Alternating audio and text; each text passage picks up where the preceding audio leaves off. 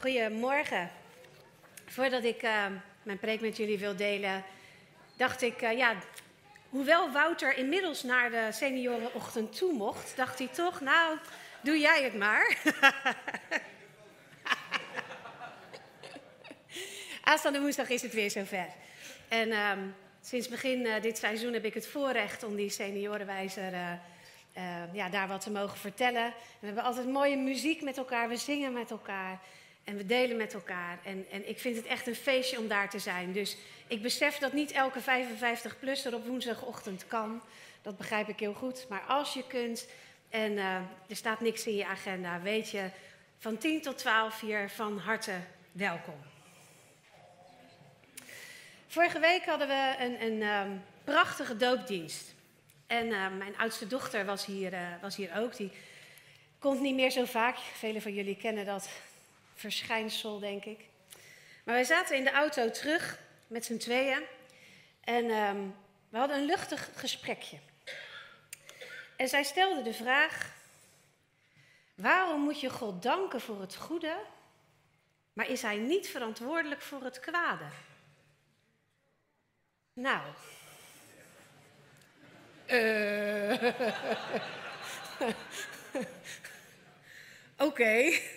Nou, paar keer goed slikken en even, even denken. Eerst een beetje uitvragen natuurlijk, hè, waar komt die vraag vandaan, maar dat is voor jullie allemaal niet zo van belang.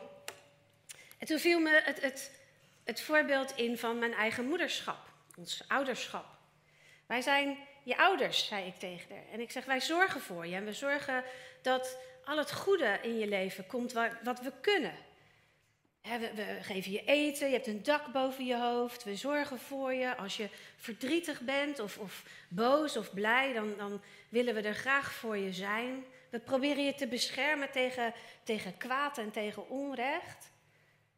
Maar daarmee zijn papa en ik toch niet verantwoordelijk voor het, het nare wat in je leven komt, toch? Nee, nee, dat vond ze ook wel. Dat was op zich wel helder. Het was even stil en toen zei ze: Ja, maar dat is toch anders met God. Ik Waarom dan?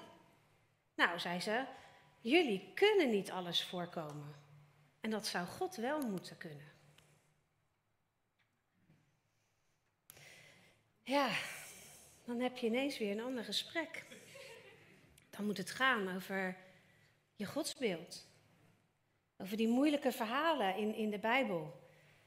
En, en we hebben daar zo wat over doorgepraat, ook over hoe dat in haar leven speelt. En nou ja, dat gesprek, kan ik je vertellen, is nog lang niet klaar. Maar ik dacht daar zo wat over door deze week en ik wil daar ook met jullie vandaag wat verder over praten. En in haar hoofd, en ik denk ook in de hoofden van veel mensen, speelt dit ergens toch wel een rol. Want als God het wel kan, dat kwade voorkomen, maar het niet doet, dan heb je eigenlijk nog maar twee verklaringen voor de nare dingen in het leven. Of je wil zo'n God eigenlijk niet, want die is niet te vertrouwen. Want die doet je ook blijkbaar dan kwaad of laat kwaad zomaar toe. Of je zult het wel verdiend hebben. En wat heeft dat idee toch lang in de kerk geleefd? Dat als kwaad je overkomt, dat je het ergens wel verdiend zal hebben. En ja, er is natuurlijk nog een derde optie, die, die horen we ook. Uh, wij kennen Gods wegen niet. Gods wegen zijn ondergrondelijk. Gods wegen zijn niet onze wegen. We begrijpen er gewoon niks van. Maar in de realiteit van het leven, als het kwaad jou overkomt, dan leiden die gedachten, we begrijpen er niks van, toch uiteindelijk naar, maar hoe kan ik hem dan vertrouwen? Wat moet ik er dan mee? Die eerste optie, dat God dan eigenlijk niet te vertrouwen is, dat je je niet helemaal aan hem kunt overgeven, omdat hij dat kwaad niet voorkomt wat hij wel zou kunnen, die was er eigenlijk eeuwenlang gewoon niet echt. Hier en daar vast wel in, in de harten van mensen, dat weet ik niet, maar zo kon en mocht je eigenlijk niet over God nadenken. God was almachtig. Dus in principe zou hij het kunnen voorkomen, of hij had het veroorzaakt. Maar je mocht niet denken dat, dat en, en dat, dat, dat kwaad was wat hij wilde doen en, en dat hij dan niet te vertrouwen zou zijn. Dus er bleef maar één echte optie over. Wij verdienen straf. Maar geloven in een God die straft? Ik heb expres die vraagtekentjes nog maar even een ander kleurtje gegeven. Ik hoop dat je dat niet meer doet, niet echt tenminste. Maar hoe zit het dan? Hoe komen er dan andere opties in beeld? Tom Oort, een, een voor sommigen van jullie bekende Amerikaanse theoloog uit, uit, Nazareen, uit de Nazareense stal, of zo, hoe je dat dan moet zeggen, die, uh, uh, die heeft een aantal jaar geleden daar een, een, aantal goede boeken over geschreven. En, en een van die boeken die heet God Can't. Hij kan het niet. God kan iets niet. En dat is een van de manieren en ook een steekhoudende, vind ik, om hier wat anders naar te kijken. Als God almachtig is en dus kwaad kan voorkomen, zegt Tom, dan kan hij niet ook liefde zijn. Het is toch niet liefdevol om zinloos geweld, zinloos onrecht, werkelijk kwaad te laten gebeuren als je het zou kunnen voorkomen. Dat snapt zelfs mijn dochter. Dat is logisch. Als, als de God die liefde is, en dat is voor ons allemaal, hoop ik, echt ononderhandelbaar. God is goed. God is liefde. Als die iets kwaads dan niet voorkomt, dan kan hij het gewoon niet. Oorts uitleg, kort door de bocht, dus moet je het hele boek maar lezen, of een aantal daarvan, gaat over vrije wil. Daar komt hij dan steeds bij terug. Deze planeet werkt zoals die werkt, omdat jij en ik, wij allemaal een vrije wil hebben. Anders zijn we een soort toneelspelers, handpoppen of zo, die, of marionetten, die, die een script hebben wat vastlegt, vast ligt en, en wat je maar gewoon af te draaien hebt in je tijd hier op aarde. Dat is niet hoe deze planeet, hoe we leren dat deze planeet werkt. Als er echt vrije wil bestaat, dan kan God ons aanmoedigen om, om het goede te doen. Hij kan ons vertellen wat het beste voor ons is in, in de Bijbel of op andere manieren, weet ik het. Hij, hij, kan je, hij kan het toneel scheppen waarin het goede gedaan kan worden. Dat kan hij allemaal. Maar als een mens toch anders kiest, en dat kan met zijn of haar vrije wil, dan treft dat iemand anders of, of velen. Dat kan God dan niet voorkomen, omdat ware liefde vrijmaakt en niet dwingt. Dus zegt Oort, God kan niet dwingen, God kan niet overheersen, kan niet controleren. Om te geloven in een God van liefde, om te vertrouwen op zijn liefdevolle zorg en betrokkenheid, moeten we het beeld van die ultieme macht opgeven. En dat zou een andere studie en preek worden dan ik vandaag met jullie wil delen. Maar er zijn ook echt goede bijbelse gronden om dat woord almacht anders te begrijpen. Zeker niet als het terugtrekken, ongedaan maken van, de, van het geschenk van de vrije wil. Maar toch blijft dit wringen voor velen van ons. En, en dan ook vaak komen er vragen over met name het Oude Testament. Want daarin lijkt God toch vaak in te grijpen. En, en er staat ook best wel vaak iets over straf. Want als we daar slecht leven, dan verdienen we dat misschien toch. Als kwaad ons treft, leefden we misschien toch slechter dan we dachten. Want we verdienen het misschien toch. Of misschien heb je het niet zo op jezelf van toepassing. Maar in de christelijke wereld waren in de coronatijd de zinnen als God straft de, de slechte wereld met corona niet van de lucht. De angst van generaties waarin het geleefd heeft, zit soms zo diep in ons dat ook al geloof je het met je hoofd niet, dan nog kan die angst ons ergens weer aan het twijfelen brengen. Ons raken. Ons blijven aanzetten om, om te onderzoeken, om toch iets te begrijpen van dan die Bijbelteksten, waar je toch mee in je maag blijft zitten. Om zekerheid te krijgen van Gods liefde. Want geloven in een God die straft, die kwaad met kwaad vergeldt, kan toch eigenlijk niet? En, en dat bracht me bij het Bijbelboekje van Habakuk. Het is een kort boekje, je hebt het zo gelezen. Ik haal er vandaag wat, wat ja, strofen uit. Maar als je vanmiddag, uh, nou, ik denk 20 minuten hebt, dan heb je het uit.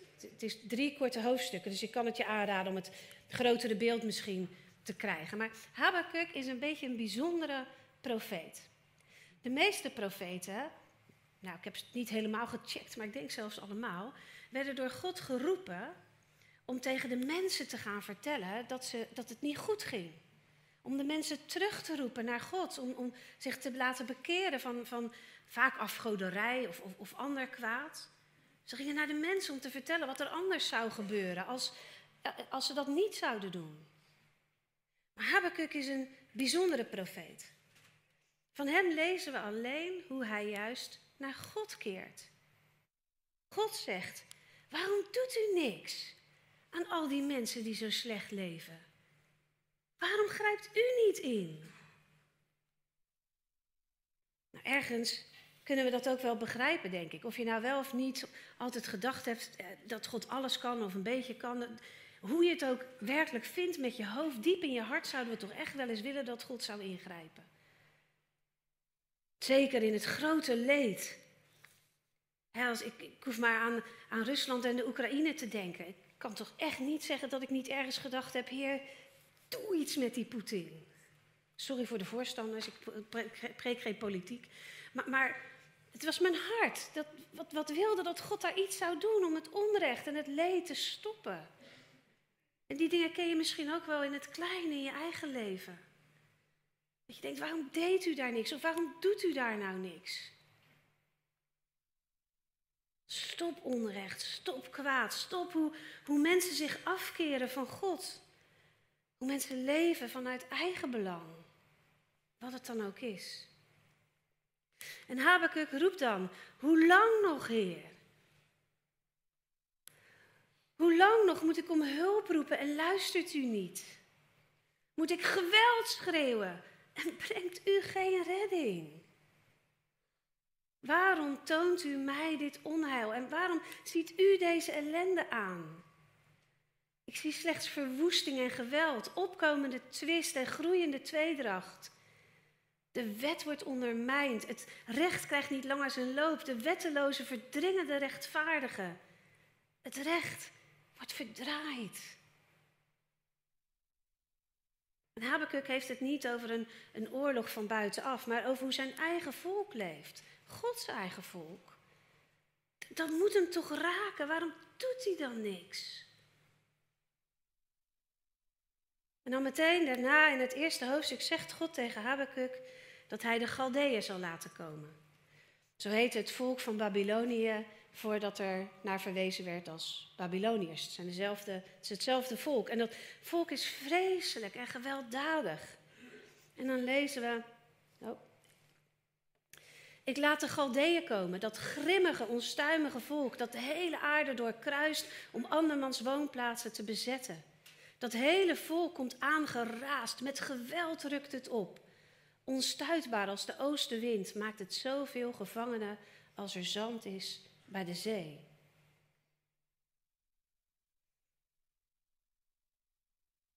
Habakuk is nog net niet sprakeloos. Ik, hoor hem denken, ho, ho, ho. Dat bedoelde ik niet met ingrijpen. Hoe kan God een volk wat nog slechter is dan zijn eigen volk gebruiken om zijn eigen volk te straffen? Habakuk wilde Gods ingrijpen, maar liefst niet door straf, niet door kwaad met kwaad te vergelden. Dat kan God toch niet aanzien?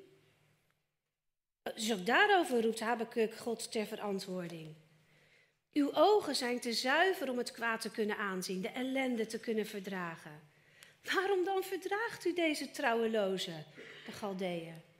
Waarom zwijgt u nu de wetteloze verslindt wie rechtvaardiger is dan hij? Rechtvaardiger zijn eigen volk.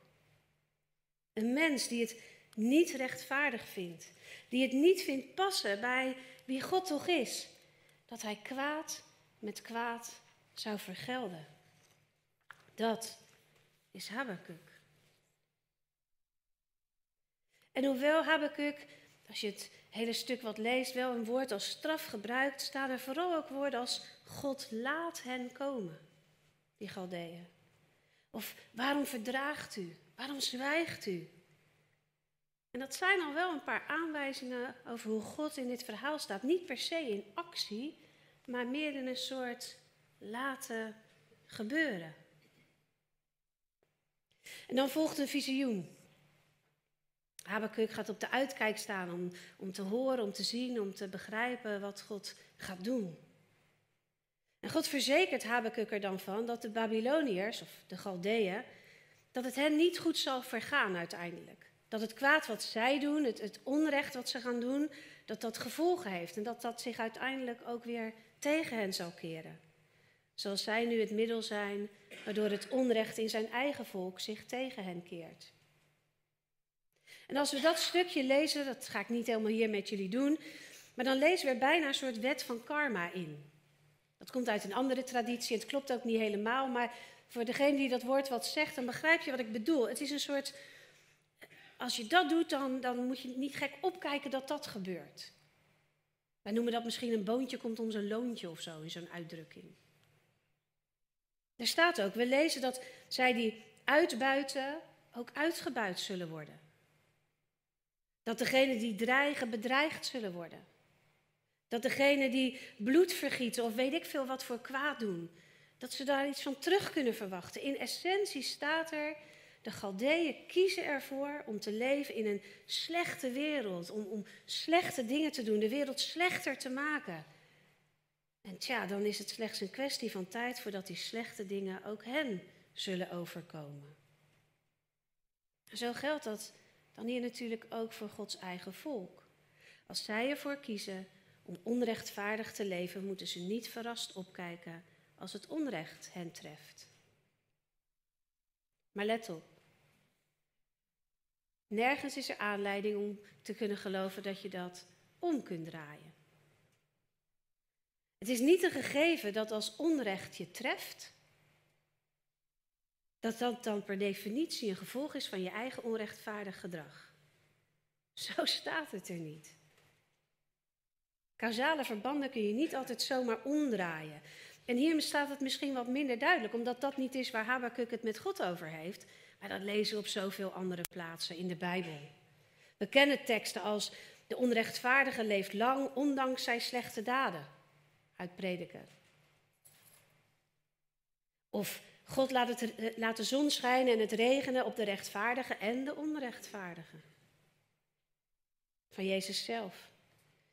Dus onrecht in je leven is niet altijd zomaar het gevolg van eigen gedrag. En slecht gedrag heeft ook niet altijd het gevolg hier in het leven dat het zich tegen je keert. Maar hier wel.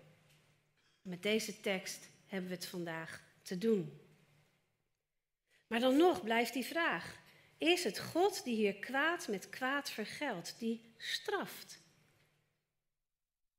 Want als hij dat kan en doet, wat zijn dan de criteria? Hoe moeten wij dan weten dat we veilig zijn, of wanneer we veilig zijn, voor zijn straffend ingrijpen? Hoe is dat liefde? En, en biddend en denkend en onderzoekend kom ik tot de conclusie die ik met jullie wil delen. Wij zijn als mensen gemaakt naar het beeld van God. Even helemaal teruggaan naar het begin. En wij hebben emoties. En dat brengt me tot de conclusie, en de Bijbel ondersteunt dat op veel, velelei plekken, dat ook God, vast op een hele andere manier dan wij, maar emoties heeft. En in Jezus zien we dat natuurlijk ook. Hij kan, we lezen niet zo vaak dat hij lacht, maar ik ga ervan uit dat hij dat echt kon. Dat hij humor heeft, dat hij ook met ons mee kan huilen in verdriet, dat hij zelf huilde. Maar dat betekent ook dat hij boos kan zijn om onrecht en ontrouw. In Exodus 34, vers 6 beschrijft God zichzelf als liefdevol, genadig, geduldig en trouw. In het Engels staat er in plaats van geduldig slow to anger. Hij wordt niet, niet snel boos. Hij kan uiteindelijk wel boos worden, maar hij heeft geen kort lontje, om het zo maar te zeggen. Hij is geduldig. Dus God kan boos worden, maar dat is ook goed, denk ik. Ik denk dat we dat eigenlijk willen. Ja, liever niet op ons. Maar we willen toch een God die niet zijn schouders ophaalt bij kwaad en, en onrecht en, en ellende in de wereld. Dat zouden we toch helemaal niet willen? En misschien wel belangrijk om je te beseffen, daar waar het over Gods boosheid gaat, als die dan wel boos wordt, is het zelden op één iemand. Dan gaat het altijd over het grotere plaatje van een heel volk, wat hem in de steek laat, wat ontrouw is. En zolang dat, dat, dat volk leefde in verbinding met God, dus recht deed aan het verbond, het oude verbond, dat is wat het woord Oude Testament betekent. Het, dus de relatie tussen God en zijn volk. Dan was er liefde en rust en vrede. Dat was de bedoeling. Het was nog niet volmaakt. Het was een soort voorproefje op Gods uiteindelijke koninkrijk. Maar zo had God het bedoeld. Dat ze zouden leven in liefde en rust en vrede en daarmee een voorbeeld zouden zijn voor die omliggende volken.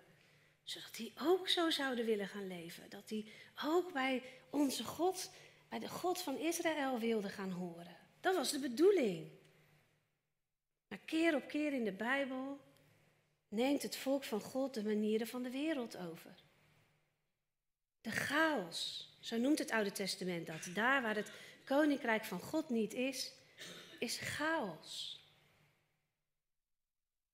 En dan is God geduldig, slow to anger.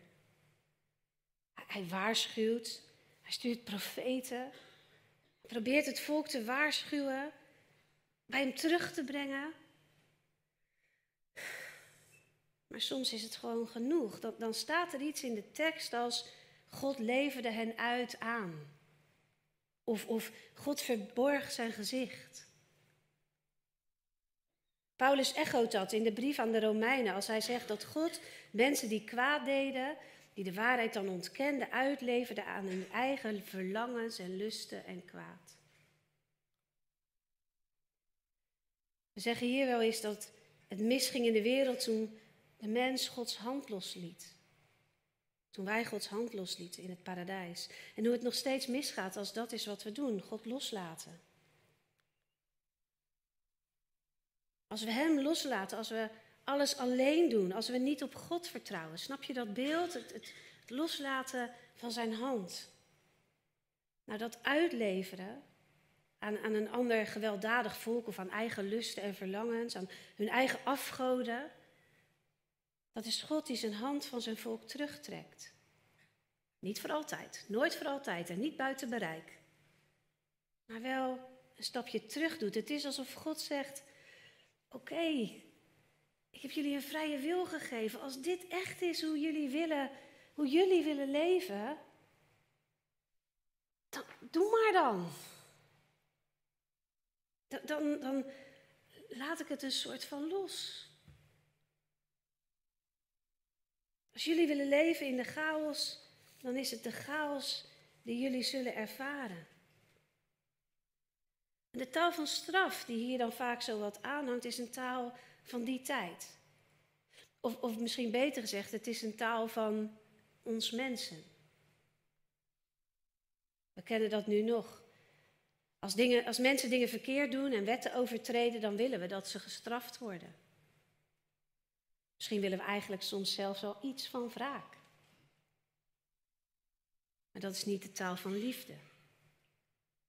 De taal van liefde gaat altijd over herstel.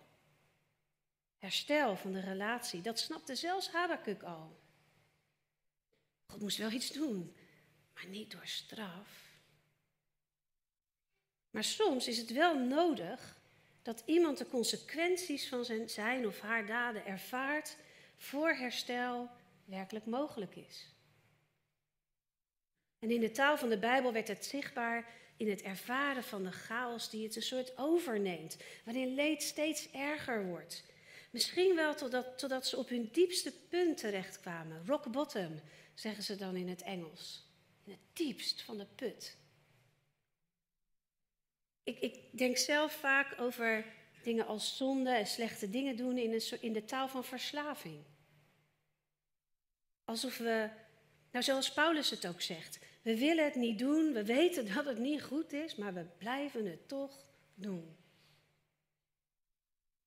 Een soort verslaafd aan ons eigen ego, waarin we dingen blijven doen zonder God. Of aan succes en ambitie, waardoor we geen oog hebben voor de nood van een ander. Of aan de angst voor afwijzing, als we ons werkelijk niet, als we ons niet werkelijk durven verbinden. Dat is geen zonde, maar wel jammer. Of als we verslaafd zijn aan patronen die, die boosheid opwekken. Of nou ja, wat het dan ook is. Aan alles wat ons ten diepste weghoudt bij God. Bij zijn liefde. En in de taal van verslaving, in de verslavingszorg, bestaat er zoiets als tough love. Uit liefde is het soms nodig dat de mensen die echt van die verslaafde persoon houden, deze mens even loslaten. Niet redden. Hoe moeilijk dat soms ook is. De consequenties van hun keuzes laten ervaren. En hoe pijnlijk ook, rock bottom bereiken. Omdat alleen dan de motivatie ontstaat om werkelijk om te keren en andere keuzes te gaan maken. En wat God hier in het verhaal van Habakkuk in die situatie lijkt te doen, is precies dat. Het gaat helemaal niet om kwaad met kwaad vergelden. God is niet naar de baas van die Babyloniërs gegaan en zegt: Kom, ik ga jou gebruiken als straf voor mijn eigen volk. De Babyloniërs waren al slecht, waren al bezig hun rijk te stichten op de pijlers van geweld. Maar hier zien we wat er gebeurt als Gods volk blijft weigeren zijn hand te pakken en daardoor steeds verder zelf die chaos ingezogen wordt. En God die dat loslaten respecteert en wacht.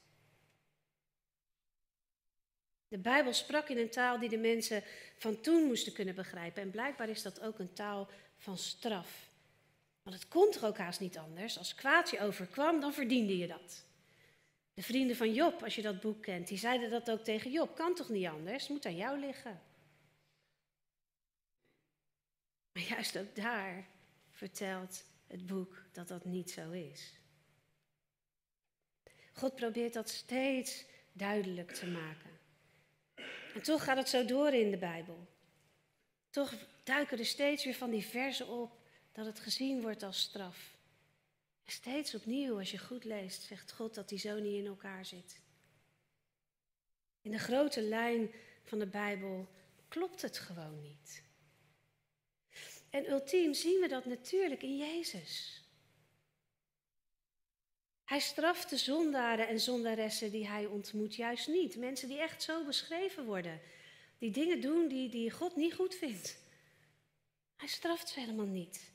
En als het ultieme onrecht en kwaad hemzelf wordt aangedaan aan het kruis, vergeldt hij het niet, maar ondergaat hij het. Neemt hij het mee het graf in, overwint en staat op in een nieuw leven. En het Oude Testament was nodig om dat te kunnen begrijpen. Al is dat niet iedereen helemaal gelukt. Maar door het werk van Jezus is de wereld ook nog eens totaal veranderd. Niet voor niets heet dat Oude Testament het Oude Verbond en leven wij nu in een nieuw verbond. Nee, geef niet hoor. Finian mist zijn papa. wij leven in een nieuw verbond. Jezus stond op in een nieuw leven en leerde ons dat dat leven ook voor ons is. Als wij ons met ons hart bij Hem aansluiten. En Hij stortte de Heilige Geest over ons uit, in ons uit. Dat is essentieel, daar kom ik zo nog. Daar waar zo'n verhaal van Habakkuk ons nog laat zien dat als wij, als wij God loslaten, God even zo doet, ook al is het tijdelijk, dat hij ons een soort loslaat, is dat nu niet meer aan de orde. De Heilige Geest is niet zomaar een los ding, hè? Wij geloven dat God een drie-eenheid is. God is Jezus. Jezus is God. God is een Heilige Geest. De Heilige Geest is God. Zoals we zeggen, de Heilige Geest woont in jou, zeggen we ook, God woont in jou. God heeft zichzelf uitgestort in jou. Er valt helemaal niks los te laten. Dat is de belofte van het nieuwe verbond. Er valt niks los te laten. Hij zit in ons. En ja, aan onze kant. Aan onze kant kan het zo lijken. Wij kunnen nog steeds Gods hand loslaten. En, en dan ervaren we die chaos. Die uiteindelijk meestal maakt dat we ons ook weer omkeren en denken: oh nee, wil terug. Hoe lang dat ook duurt of hoe kort dat ook duurt. Maar ten diepste heeft die chaos geen echt vat meer op ons. Kunnen wij God niet echt loslaten en Hij ons zeker niet. Als wij het maar beseffen, als het ons lukt om, om ons steeds weer te verbinden met Gods hart, als we bij Hem blijven in Zijn liefde, dan is dat wat we kunnen ervaren. En ik wil echt niet beweren dat dat altijd zo gemakkelijk is. Ik weet dat dat niet zo is. De patronen die in ons zijn ontstaan door het leven zetten soms bergen en, en, en muren tussen die ervaring. En als we het niet oefenen, of als we denken dat die anderhalf uur hier op zondag het voor elkaar moet krijgen, de rest van de week niet, dan blijft het moeilijk. Want de rest van de week trekt de chaos. Maar diep van binnen, diep in ons is er altijd Gods liefde, die kun je niet meer kwijtraken. Dat is Hij in jou. Er is geen chaos, want die is al overwonnen. En God laat niet werkelijk los. God can't. Dat kan hij niet. Hij is liefde. En hij woont in jou. En dan nog even terug naar Habakkuk, waar we mee begonnen. Ik hoop dat vandaag het allermeest je helpt om je in je eigen leven, als er iets naars gebeurt, je nooit meer af te vragen of het toch een straf van God zou kunnen zijn. Dat hoop ik echt. Dat is niet wie Hij is. En Hij laat je ook niet los. Dat is de belofte van het nieuwe verbond. Maar dan nog hebben we wel te leven, net als Habakkuk en, en meerdere personen in de Bijbel, met die gevoelens van onvrede. Met wanhoop soms, als het kwaad ons leven wel is binnengekomen. Soms misschien wel als gevolg van ons eigen loslaten van de hand van God. Maar veel vaker omdat we nu eenmaal geen controle hebben over die andere mensen die dat doen. Die kiezen voor chaos en hun chaos raakt ons leven. Van Habakkuk leren we dan twee dingen. Er zijn overigens ook heel wat psalmen die ons dat leren. In de eerste plaats dat het helemaal oké is om met die gevoelens bij God te komen. Boosheid over onrecht. Frustraties over het niet ingrijpen van God. Zelfs al weet je ergens met je hoofd best wel dat hij dat niet kan of doet, kan je toch hartstikke boos zijn. Dan praten zo vaak die boosheid weg. Ook tussen mensen onderling soms. Want je begrijpt het zo goed.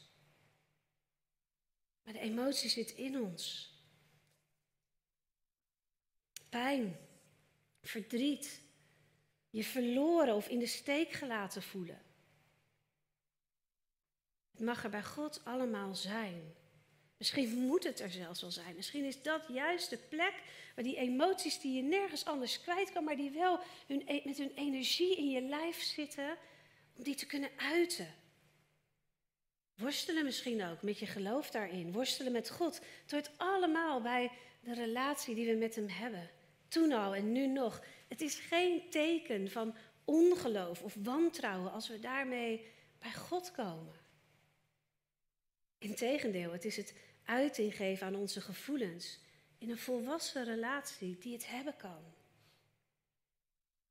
Eerlijkheid en kwetsbaarheid zijn essentieel in een goede relatie.